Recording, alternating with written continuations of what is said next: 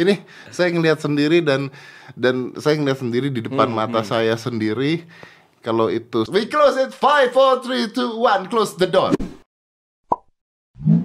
Bro, novel Baswedan dan saya dapat hadiah nih kayaknya. Tunggu, Iya saya mau dong. saya mau lihat itu dulu. Oh, iya. Nah, ini nih. Ini nih. Oke, saya pegang dulu boleh? Boleh. Ya. Fact number one, beliau ini nggak pernah ke studio kecuali pertama kali waktu itu ke Najwa. Iya. Itu pun udah tiga bulan yang lalu. Iya. Udah gitu, beliau nggak pernah lagi ada di mana-mana ya. Iya, belum. TV juga belum pernah lagi ya. Iya. Ngebahas apa juga belum pernah mau Belum. kayaknya ya. Jadi baru datang ke sini dan ini ini ini adalah Ini eh, produk baju dari istri saya oke. yang memang saya tujukan untuk diberikan hadiah buat eh, calonnya Mas Dedi. Oke, Emil Dasyari. Ya, Emil, Emil Dasyari ini eh, baju untuk muslimah Oke. eh, dan konsepnya eh, memang dibuat yang sedemikian rupa nyaman, eh, enak dan dengan begitu kita berharap orang-orang yang ingin pakai hijab bisa lebih mudah dan lebih terbantu dengan hal itu. Oke, siap. Itu kayaknya ada sesuatu juga di dalamnya. Nah, biasanya memang setiap pembeli yang di tempatnya istri saya itu diberi eh, satu hadiah buku zikir. Oh iya, buku zikir Iya. pagi petang Iya. Ah, dan doa aktivitas harian. Betul. Oke. Biar banyak-banyak berdoa, Mas Dedi. Biar banyak-banyak berdoa. Biar banyak berdoa ini ada di Instagramnya nanti ditaruhin ada nomor telepon WhatsAppnya juga nanti kita taruhin di bawah supaya kalau mau mesen bisa mesen tapi biasanya orang-orang akan nanyanya adalah sebelum mesen mahal nggak harganya ya Oke lah, harganya eh, sesuai dengan apa yang kualitas didapatkan dan saya kira harganya bagus sekali, terjangkau. sangat terjangkau lah ya terjangkau fair itu fair ingat ya ingat jadi kalau misalnya mau beli baju muslimah ya? Ya, baju muslimah ya? Eh, cowoknya ada nggak bro? Nggak ada, cuman untuk perempuan. lah kok anda rasis gitu sih? Soalnya jualan perempuan, perempuan. Saya berharapnya tadi ada baju kokonya Iya, gitu iya. loh. Ini anda eh, ya udah saya harapkan nanti siapa tahu satu saat ada novel Baswedan series dengan baju kokonya gitu buat saya Insya Allah, semoga. amin amin amin amin, Tadi kita- kita sempat ngobrol-ngobrol di depan juga Iya. Jadi eh, sebenarnya ini menarik banget ketika bicara tentang seorang novel Baswedan. Waduh, bro kayaknya masa lalu tuh nggak bisa habis loh, Nggak habis-habis nggak ya. habis-habis ya.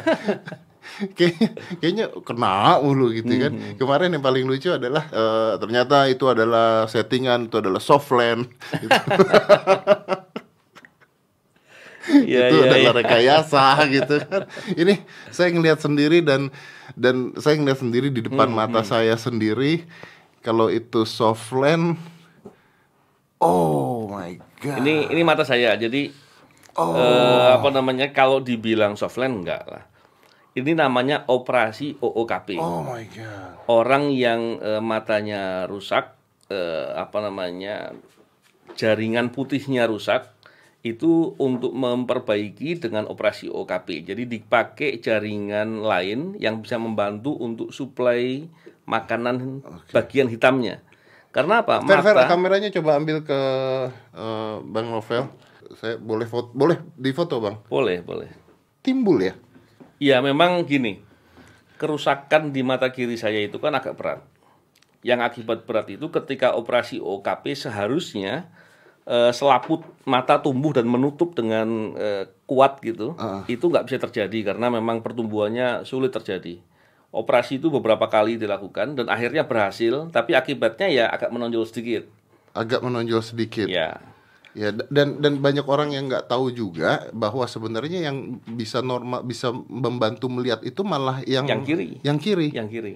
Makanya mata saya, kacamata saya itu yang kiri yang ada lensanya.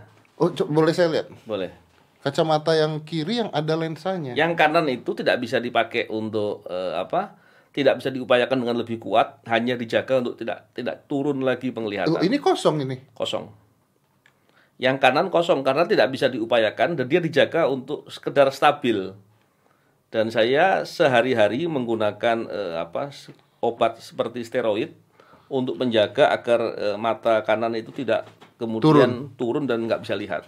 Oke, jadi sebenarnya sebenarnya yang maksimal melihat itu adalah mata kiri ya. Mata kiri. Yang- Jadi gini, mata kiri saya itu melihat dengan lebih jelas, tapi sempit penglihatan. Sempit penglihatannya. Jadi seperti kita lihat dalam seperti area yang ka- kamera apa teropong Iya, atau iya, apa iya, gitu iya. ya. Nah, kecil gini. Ya. Yang Kalau kanan- kanan, saya melihatnya luas tapi buram. Tapi buram. Dan di dalam mata saya ini saya pakai hard lens. Hard lens. Hard lens. Karena eh, gelombang mata, eh, gelombang sela- selaput matanya bergelombang dan di dalamnya ada bercak putih yang itu menghalangi pandangan. Nah, eh, Bang kalau lu udah dikasihin hard lens, kenapa kenapa harus pakai kacamata lagi? Hard lens cuma untuk pelindung saja. Untuk pelindung doang. Dan ketika selaputnya bergelombang dikasih headline itu harapannya eh, bisa menggantikan dan eh, selaputnya biar bisa lurus gitu ya. Kalau lurus penglihatannya akan lebih bagus.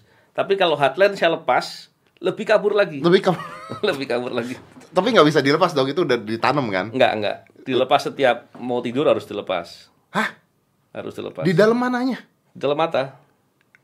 Kalau itu biasa, orang banyak pakai headline. Oh, hard lens kayak soft lens gitu. Kayak softline tapi Tapi yang lebih keras. ya. Iya, ya, oke, oke. Nah, mata yang yang kiri ini kalau menonjol gitu berarti nggak bisa nutup dong. Nutup bisa tapi dipaksakan. Contoh gini. Jadi Butuh usaha. ya Butuh usaha, oke. Dan banyak orang yang nggak nge- eh, silakan. Sorry. Ba- banyak orang yang nggak ngerti bahwa berpikir bahwa yang bisa ngeliat itu adalah yang kanan, Iya, gitu iya. Nah, oke. Tapi gimana rasanya nih, eh, Hmm. bro? Udah jelas, eh, udah udah jelas kayak begitu ya. Iya, Terus iya. dikatain orang, dibilang ah bohong tuh, settingan tuh, ya kan? Gini Mas Dedi, saya itu dari dulu. Tadi kan bilang Mas Dedi bilang, wah sering sekali kena masalah, diomongin segala macam. Inilah resiko kalau kita mau berbuat baik. Udah. Berbuat baik selalu ada aja yang begitu-begitu dan saya mengalami ini udah banyak. Jadi kalau kita mau berjuang untuk berbuat kebaikan, kalau masih terus kemudian ingin dipuji, eh, terus khawatir dengan omongan orang, kita nggak pernah berbuat apa-apa. Ya sudah, kalau emang mau berbuat baik, fokus, terus lakukan. Yang penting pastikan kita sedang di atas kebenaran. Berbuat terus. berbuat terus gitu Ya. ya. Tapi kan alasannya orang tersebut adalah oke selain mata adalah kenapa kok mukanya nggak apa-apa kan orang disiram air keras harusnya mukanya juga hancur gitu. Hmm. Iya. Sebetulnya begini, orang disiram air keras akan hancur kalau tidak cepat ditangani. Oke. Saya pertama kali diserang eh, disiram air keras muka itu saya langsung siram pakai air Ya di masjid terus. diguyur terus. Dan kemudian ketika saya dirawat di rumah sakit eh, Mitra Keluarga Kelapa Gading, itu saya siangnya berapa jam kemudian setelah itu saya dibius total dan dis- ditaruh di ruang operasi, disiram lagi pakai air murni mukanya, mata dan muka, terus banyak gitu. Saya nggak lihat karena saya nggak sadar ya. Ya, supaya dialir Ah. terus ya. Memang caranya begitu betul. Betul. Setelah itu, dan itu penanganan terbaik yang dilakukan. Dan kemudian ketika sadar muka saya sudah diperban. Jadi nggak kelihatan. Saya nggak tahu. Saya nggak tahu lagi seperti apa muka nggak lihat ya, Oke, karena mata oke. juga lagi terganggu penglihatan. Imajinasinya adalah bahwa itu rusak Iya. karena diperban. Saya tahunya begini. Setelah sampai di Singapura, Heeh. saya dirawat di burn center. Oke. Jadi pusat luka bakarnya eh, Singapore General Hospital. Iya. Saya ditangani sama dua dokter paling ahli di situ karena rekomendasi dari dokter kepresidenan. Iya. Nah, ketika di sana dibilang bahwa ini eh, perban akan dibuka. Dan ketika dibuka saya baru tahu bahwa ternyata itu di dalamnya pakai apa namanya Gel. kasa basah. Kasa basah, heeh. Hmm, Kasa basah kan dipakai buat orang luka ya. Betul. Nah, itu dipakai di beberapa tempat di muka saya dan kemudian oleh dokternya dilakukan penanganan dengan eh, baik dan empat hari saya dirawat di sana. Ya, yang bagian luka-luka itu ngelupas hitam-hitam. Dan itu saya kira karena dokternya melakukan dengan baik, Iya. langkah pertamanya baik, dokter Indonesianya baik penanganannya dan di Singapura ditangani sama dokter yang ahli. Alhamdulillah. Alhamdulillah jadi Iya. jadi tidak ada bekasnya ya. Ya, nggak ada bekasnya. Ya paling inilah ya. eh, Cuman saya ada di bagian dalam hidung ini ada beberapa bagian yang terbakar, yang apa eh, jaring-jaring itu di di dalam hidung itu ada yang rusak gitu, sehingga sedikit agak terganggu. Eh, saya kira cuma itu. Kalau di mulut cuma bibir waktu itu, lainnya enggak. Ya, dan ini buat yang nggak tahu bahwa eh, jaringan matanya Bang Novel ini diambil dari gusi, Betul. jadi Dan gigi, dan gigi. Itu buat apa? gigi saya tuh diambil yang taring yang Heeh. kanan ya, bawah kanan, dan eh, dibuat untuk sebagai eh, apa namanya kerangka buat duduknya lensa hitam di tengah itu. Jadi di dalam situ ada gigi. Ada gigi. Suka jadi saya ketawa. Bayangin, gigi bisa gantikan untuk penglihatan. Iya. Saya nggak baru ngerti kok bisa gitu.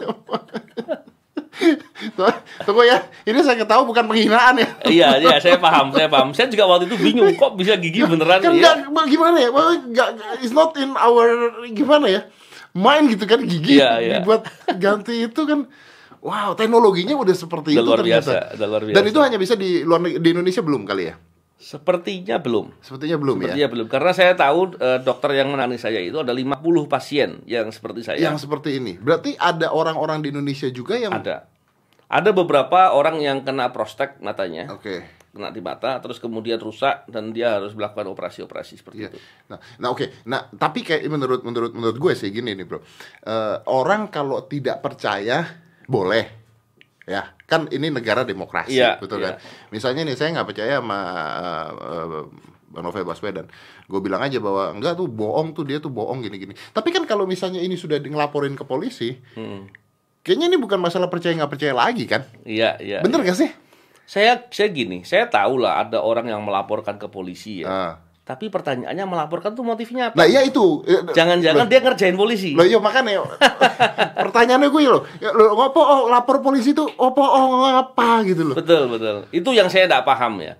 Dan saya memang sengaja tidak eh, banyak merespon karena saya pikir tidak semua omongan orang perlu saya respon. Iya, saya hanya merespon orang yang berpikir dengan akal yang benar. Iya iya iya. Kalau ngomongin ngawur-ngawur, saya ngapain lagi respon Iya, gitu. ya. percuma, percuma. Percuma. Nah, tapi kalau saya jadi dia nih, kalau saya jadi dia, saya akan menyebarkan fitnah tersebut atau gosip tersebut tanpa saya laporin ke polisi. Karena buat saya lebih udah cukup, udah kan udah menghilangkan eh, simpati kan Iya, iya. sebenarnya iya. kan. Tapi kan kalau ngelaporin polisi ini kan gimana gimana? Saya saya enggak enggak saya sebetulnya ada beberapa berpikir jangan-jangan maksudnya begini begitu. Cuman karena bagi saya itu nggak penting. Untuk apa saya pikirkan? Terserah dia mau bilang apa. Toh juga saya pikir saya dalam rangka berbuat selama ini bukan ingin dipuji kok. Iya sih. Nggak penting juga Iya. mau ngapain. Dia mau ngomong apa terserah. Tapi kan tapi kan lu harus ngelaporin lagi dong.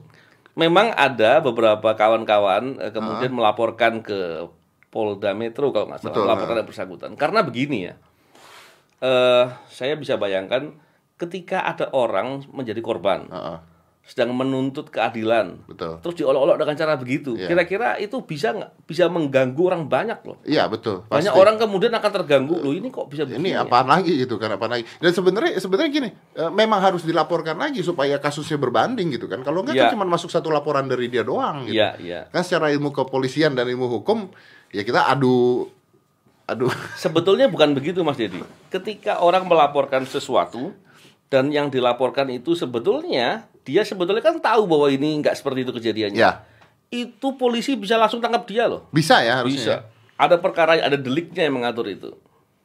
nah ya ini kan dilaporin ke polisi Iya. sedangkan polisi sendiri saja konon kabarnya melakukan penyelidikan Iya. sebenarnya Betul. lah masa polisi sebodoh itu nggak tahu kalau ini rekayasa kan gitu tuh sebenarnya.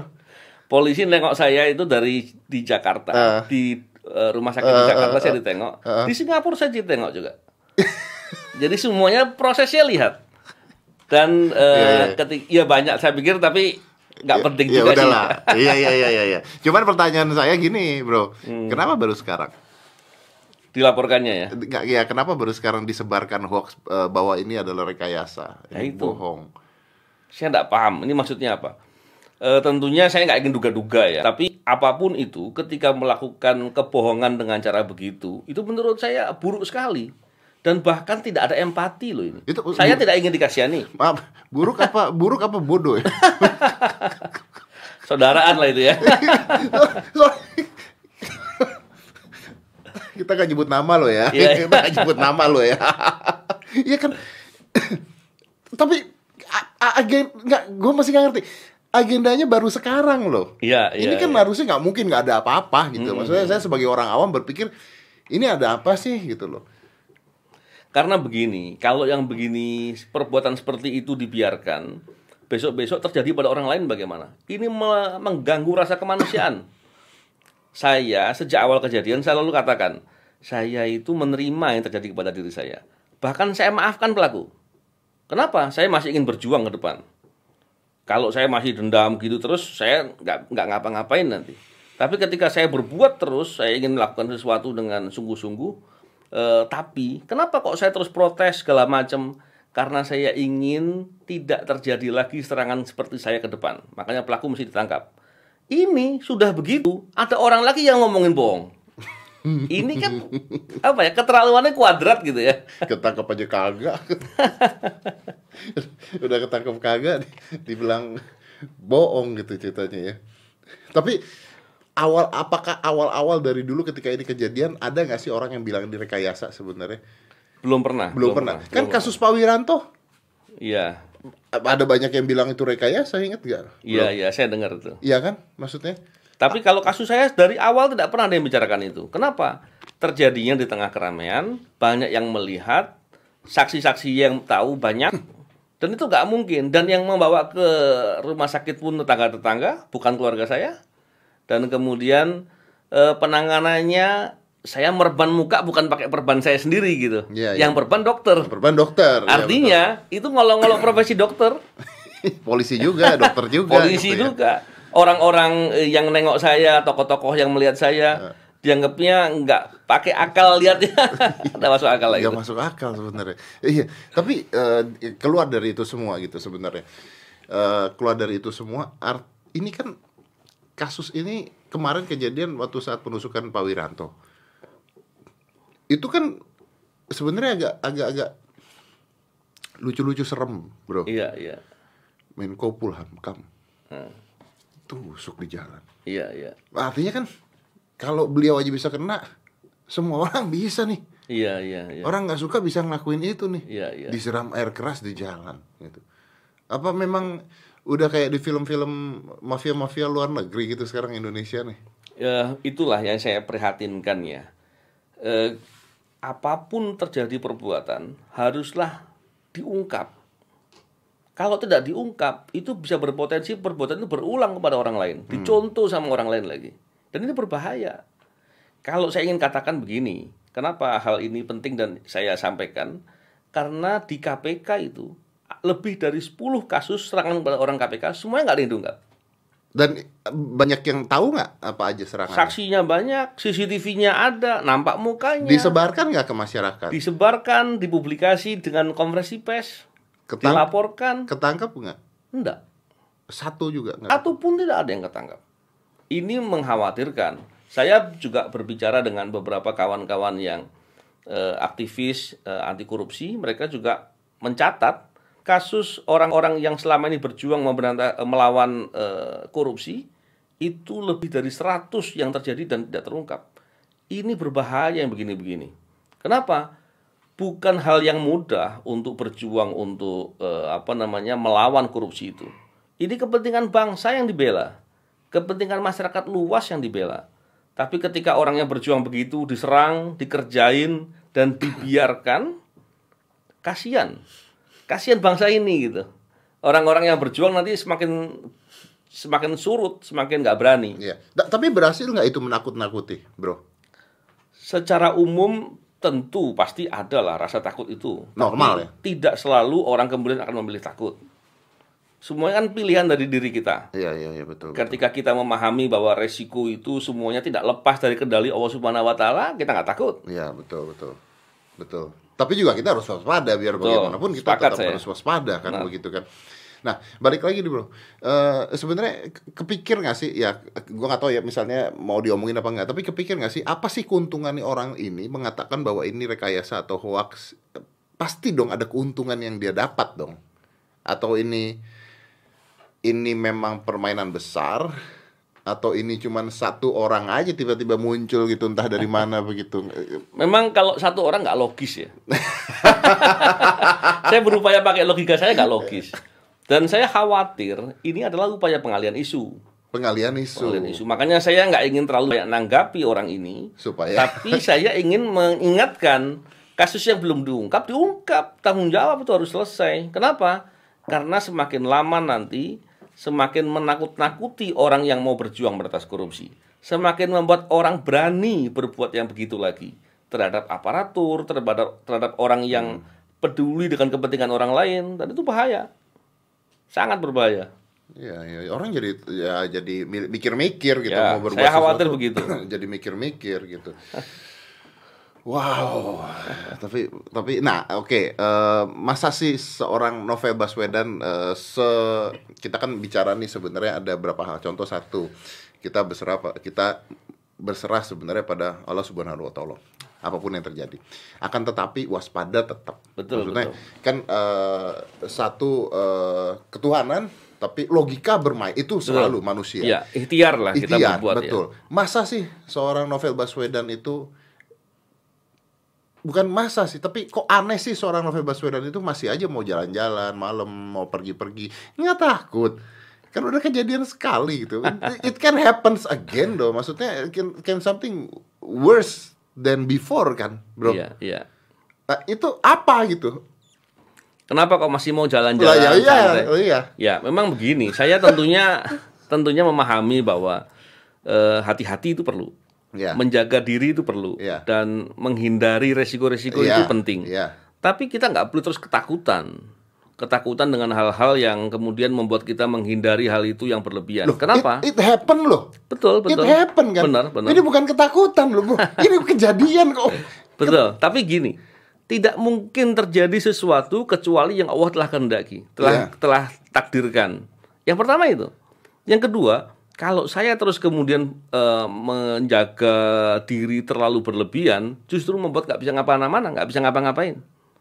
Oleh karena itu, saya tetap menggunakan aktivitas semaksimal saya bisa. Sekarang begini Mas jadi logikanya aja. Kalau menjaga diri dengan berlebihan, terus kalau sudah waktunya mati, emang jadi nggak mati? Nggak mati. mati tetap mati. Seandainya eh, apa dengan melakukan kegiatan dengan tetap menjaga waspada dan lain-lain, eh, toh juga bisa berbuat lebih banyak. Kenapa nggak pilih yang itu gitu? Iya, iya. Jadi iya, iya. mesti harus berani mengambil hal demikian. Tapi kalau eh, apa namanya kemudian eh, terlalu takut dan lain-lain, justru pelakunya itu malah merasa berhasil. Nakut-nakuti sudah orangnya dicederai, orangnya nggak berani berbuat apa-apa, perjuangannya berhenti. berhenti, nggak berani ngomong pula Nggak kan. berani ngomong pula. Jadi hal itu yang ya harus oke, dilawan. oke, oke, oke, oke. Anda berhak mengatakan itu silahkan. Hmm. Tapi istri dan anak kan tidak setuju pasti. istri Gini. dan anak kan bilang, bapak gila, pak, bener aja pak, itu kan. Semuanya kan tergantung kitanya. Iya. Kalau kita bisa menjelaskan ke keluarga, memberikan pendidikan, apa yang terjadi kepada diri kita kan bisa menjadi pembelajaran juga buat keluarga. Betul. Toh juga begini, Mas Dedi.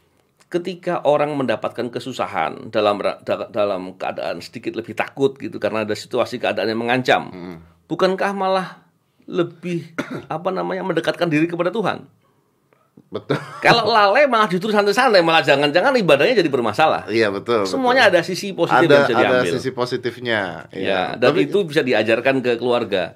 Saya selalu mengingatkan kepada keluarga. Dengan begitu, saya bisa dengan mudah menjelaskan bagaimana eh, pemahaman soal takdir. betul. Saya waktu diserang itu saya merasa sudah mati. Kenapa?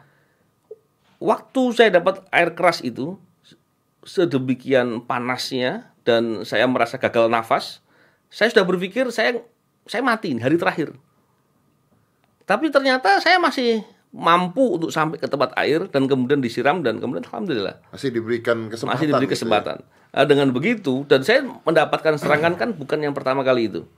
Saya pernah mendapatkan serangan di beberapa eh, kasus yang lain dan alhamdulillah saya masih selamat gitu. Ya. Iya. Tapi jangan jangan dicari-cari juga. Oh gitu. enggak, cari-cari enggak boleh. iya kan, maksudnya konsepnya gini saya juga percaya, Iya, Bro saya iya. juga percaya bahwa eh, hidup mati di tangan Allah. Betul, gitu kan. betul. Tapi kan pakai mobil ada seat belt gitu Iya, kan, ya. benar. Itu harus Itu harus dipakai. gitu kan. Kita precaution lah gitu Betul, kan, betul. gitu kan. Tapi menarik ya, artinya artinya mengatakan bahwa dalam perjuangan ya perjuangan yang ya memang harus meneruskan perjuangan tersebut apa pun yang terjadi harus diteruskan perjuangan Ya. tersebut begitu. Karena begini Mas Dedi, kadangkala kita lihat, contoh kalau bicara korupsi ya, efek korupsi kan ke masyarakat. Mhm. Berapa banyak itu membuat susah atau menge- apa namanya menghambat kesejahteraan untuk masyarakat. Dan kita lihat efek-efek yang seperti itu itu betapa beratnya beberapa kalangan masyarakat itu e, mengalaminya. Kalau kita lihat, loh masa sih kalau ketika melihat ada situasi seperti itu terus kemudian kita nggak kemudian ingin turun untuk berbuat? Ya, ya, ya, ya, ya. Resiko, iya resiko. Susah, iya susah. Tapi di sana juga ada kesusahan. Bahkan saya berpikir begini Mas Dedi. Di beberapa kawan-kawan saya sering cerita. Kita ini hidup ibarat kita sedang e, naik mobil saya mau kita mobil pickup, Mobil, mobil, pick pickup, up. mau Pick up- jalan pick up ini. kebuka apa ketutup? apa pun lah. Iya, pick up ya. Kita punya pilihan. Iya. Kita punya pilihan mau bawa muatan atau kosong aja nggak bawa muatan. Oke. Kalau kita bawa muatan, resikonya pasti kita nggak bisa manuver, jalannya lebih pelan, Keberatan. berat dan dan hal-hal lain lah. Kita lebih sulit di situ. Dan kalau kita nggak bawa apa-apa, kita jalan bisa full speed, bisa macam-macam lah, lebih enak, nyaman jalannya. Tapi yang dapat bayaran itu nanti yang bawa muatan.